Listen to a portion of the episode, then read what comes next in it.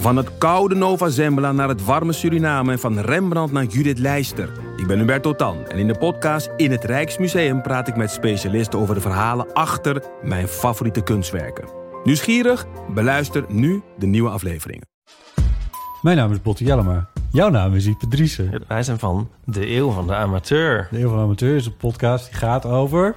Alles. Het is een eh, podcast over levenskwesties die je niet kunt googlen. Een soort licht neurotische blik op het leven. Het is een podcast met humor. Jezus. Kijk, een grapje. Die, die vragen durft te stellen en die je ook onbeantwoord durft te laten. Mooi. met een regenboogvlagje. Dat, dat noem je queer botten. Dat an- regenboogvlag, dat klinkt echt als een soort... Eh, ik bedoel, iedereen is welkom. Kom ons luisteren in je favoriete podcast-app.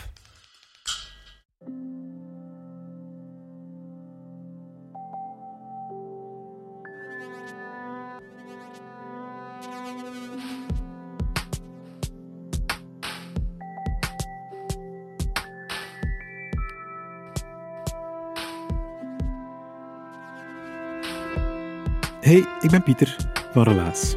In Relaas hoor je waar gebeurde verhalen en die worden verteld door de mensen die ze zelf hebben meegemaakt.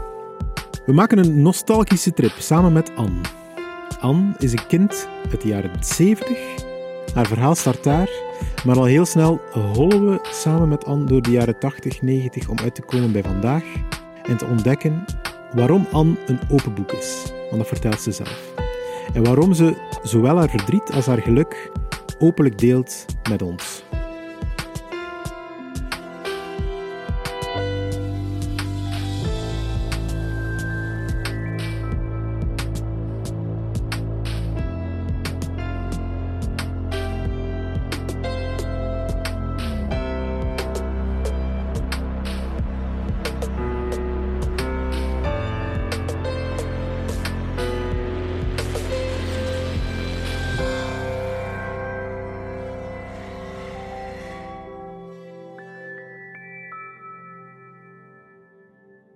Ik ben Anne en ik ben een kind van 1970. Ehm, we zouden denken de flower power van de jaren 70. Maar dat was niet altijd zo rooskleurig, ehm, want ehm, mijn ouders, denk ik, waren de koplopers van de echtscheidingsrace, die we tot op vandaag wel kennen. En eigenlijk heeft dat toch wel heel veel verdriet gebracht in mijn jeugd. Ik herinner me als kind dat ik de enige was uit de klas, en zelfs in mijn beleving uit heel de school. En dat er toen toch wel werd raar gekeken naar kinderen van gescheiden ouders. Gelukkig is dat vandaag, gelukkig of niet gelukkig, is het vandaag anders. En is het misschien al raar als uw ouders niet gescheiden zijn. Ehm, maar ehm, omdat dat toen ook het prille begin was, waren toen ook toch wel de meeste echtscheidingen vechtscheidingen. En als kind zie je daar wel vanaf. Mijn beide ouders hadden elk een andere partner en die twee hadden ook een belangrijke taak en rol in mijn leven. En ook al was mijn jeugd eh, daardoor gekleurd door verdriet, ik kan die mensen niks kwalijk nemen, want iedereen heeft daar echt wel zijn best gedaan. Maar toen ik tien jaar was, dan eh, was er toch een heel bijzondere gebeurtenis voor mij. Want ik mocht mee gedurende negen maanden mee uitkijken naar de komst van mijn zusje. En op 2 december 1980 kreeg ik een telefoontje dat mij absoluut gelukkig maakte. Anne, jouw zusje Maaike is geboren. Ik eh, denk dat ik die avond zelf niet meer gegaan ben en ik weet ook niet meer waarom. Maar eh, ik herinner me wel nog de eerste keer dat ik Maaike zag en dat was absoluut de mooiste baby op heel de wereld. Ehm, en plots was ik zus, grote zus. Ehm, ja, iets wat dat toch wel iets deed met mij, want ik was alleen begonnen en ging nu al niet meer alleen verder. Het veranderde eigenlijk wel mijn identiteit en het spoelde ook wel heel veel verdriet weg. Ehm, als tienjarig meisje mocht, eh, was Maaike een levende pop voor mij en mocht ik ook helpen met flesje geven, pamper verversen, mooie kleedjes aandoen, speltjes, vlechtjes in haar haar, want ik was ook wel dat meisje. En na drie jaar kwam dan ook nog uh, Stijn, een broertje, erbij. En hoezeer Maaike een meisje was, zozeer was Stijn een manneke. En 22 jaar lang zijn wij zussen en broer geweest. Um, zij groeiden op en ik mocht daarbij helpen. Omdat ik ouder was, mocht ik babysitten, uh, moest ik ook een beetje voorbeeld geven van alles. En we deden ook eigenlijk heel veel samen, spelen, uh, overal naartoe gaan. En Maaike was uh, natuurlijk gek op shoppen en mijn broer had het meer voor auto's. Um, toen ik zelf ook een rijbewijs had, uh, dan ging ik hem ook wel eens halen van school of voerde, waren, voerde ik de kinderen ergens naartoe.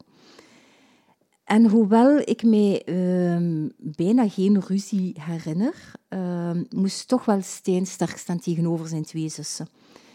We vonden het eigenlijk fantastisch als Steen pech had.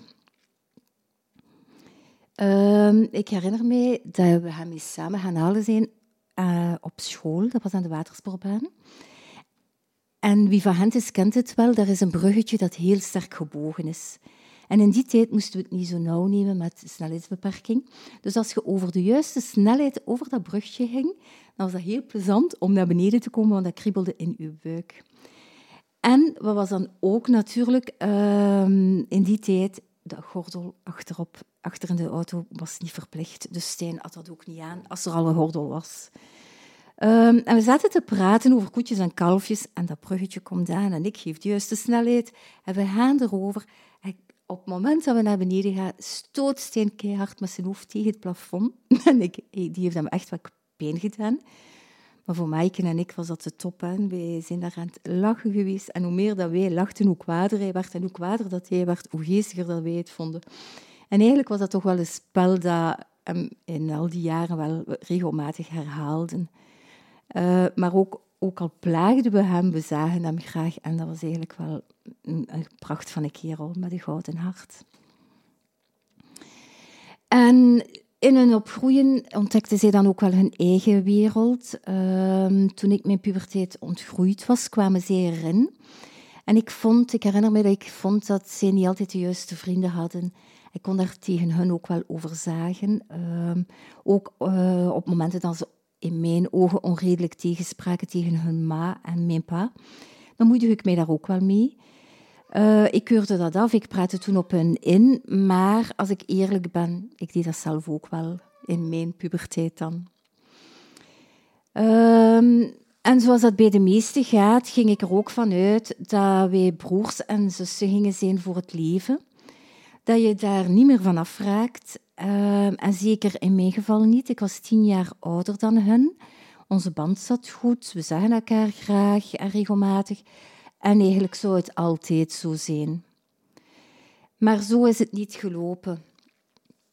Um, op 17 maart 2003 zag ik Maaike naar het werk in de stad op weg naar huis. Um, ze was verdrietig.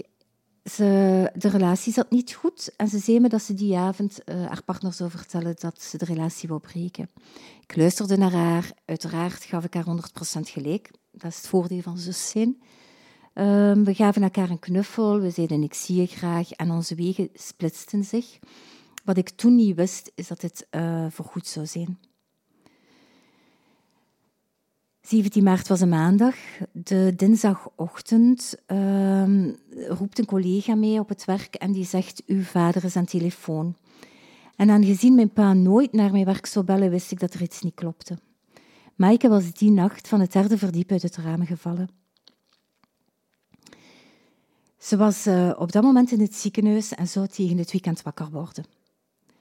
En dan zouden wij weten wat er gebeurd is. Maar ook zo is het niet gegaan. De dagen die daarop volgden, die leken een eeuwigheid te duren. Waarbij Maaike met de dag een steeds negatievere prognose kreeg. Eerst zou ze wakker worden. Kort daarna zou ze dan halfstedig verlamd zijn. Weer kort daarna zeiden ze ons dat ze enkel nog vegetatief verder zou kunnen leven.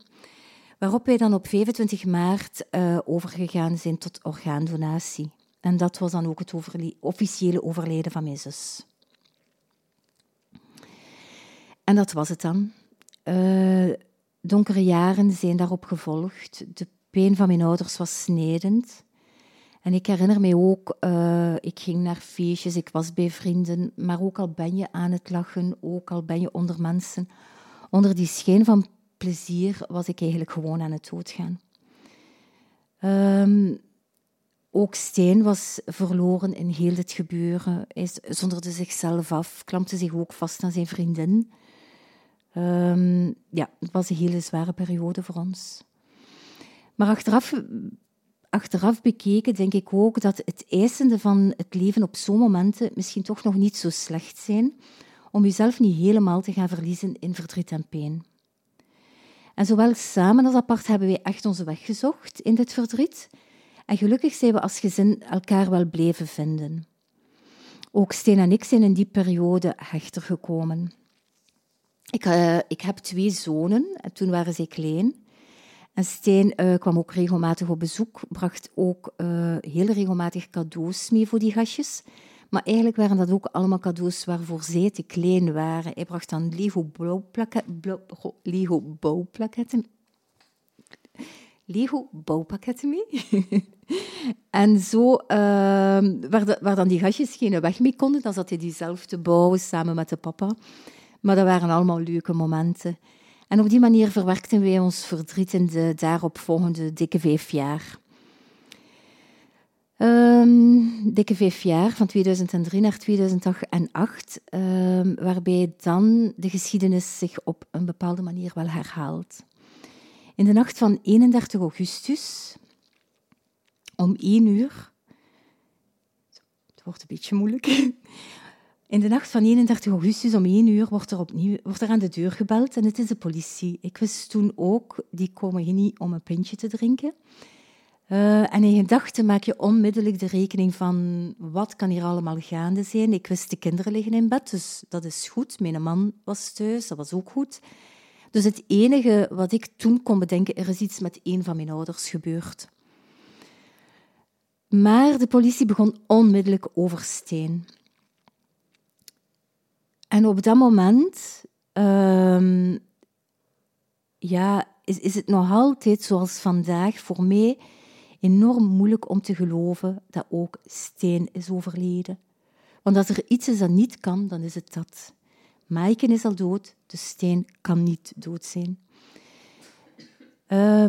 Mijn gevoel en mijn verstand kunnen dit ja, op vandaag nog altijd niet 100% bevatten, maar oké, het is wat het is.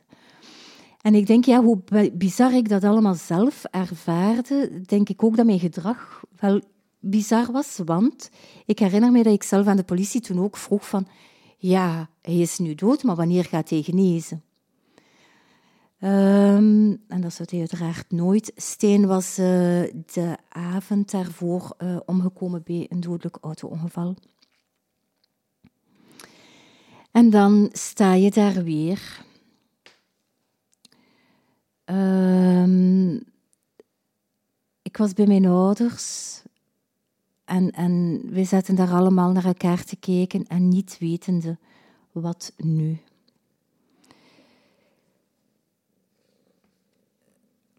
In, in uh, het verloop van die jaren heeft mij dat wel ook enorm trouw gemaakt aan mijn ouders.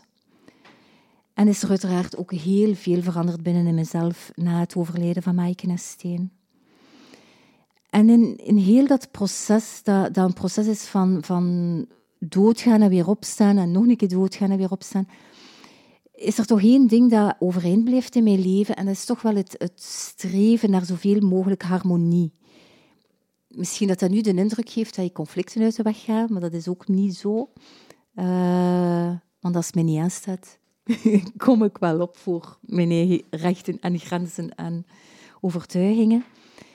Maar het, het gaat enorm relativeren en, en je, je zoekt de weg die harmonie en verbinding brengt. En dat was ook zo wat ik deed met mijn kinderen.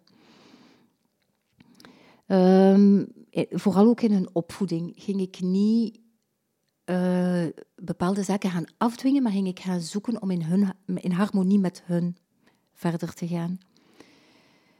Maar in heel dit geheel um, was voor mij het pijnlijke dat ik als enig kind ben begonnen. En sinds de dag van uh, het overlijden van Steen opnieuw als enig kind ver, verder moet. Um, ook dat is een zoeken. Maar gelukkig wordt dat wel gecompenseerd met een mooie aanwezigheid van andere mensen. En is het ook verwonderlijk hoezeer Maaike en Steen wel nog in mijn leven aanwezig zijn.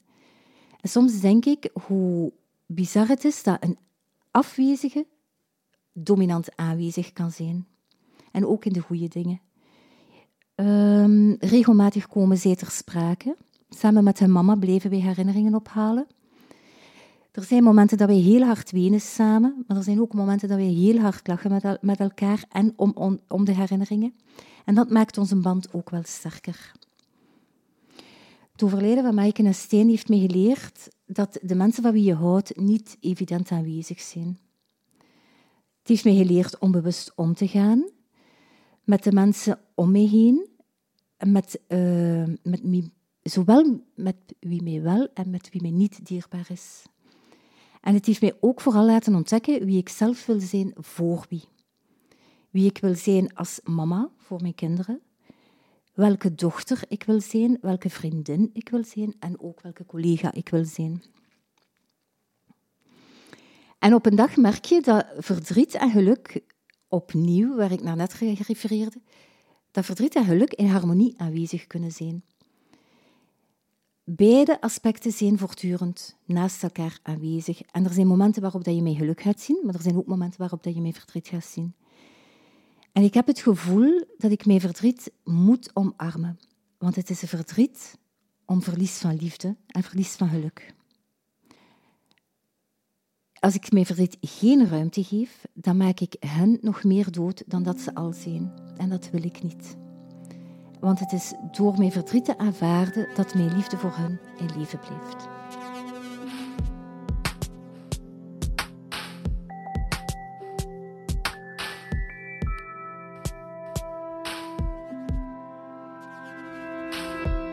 Dat was het relaas van Anne. Heeft het verteld in Gent voor een heel klein intiem publiek en één kat. Je hebt ze misschien wel gehoord ergens in de achtergrond. Maar dankzij deze podcast kan ook jij nu meegenieten en is dat relaas oud en open.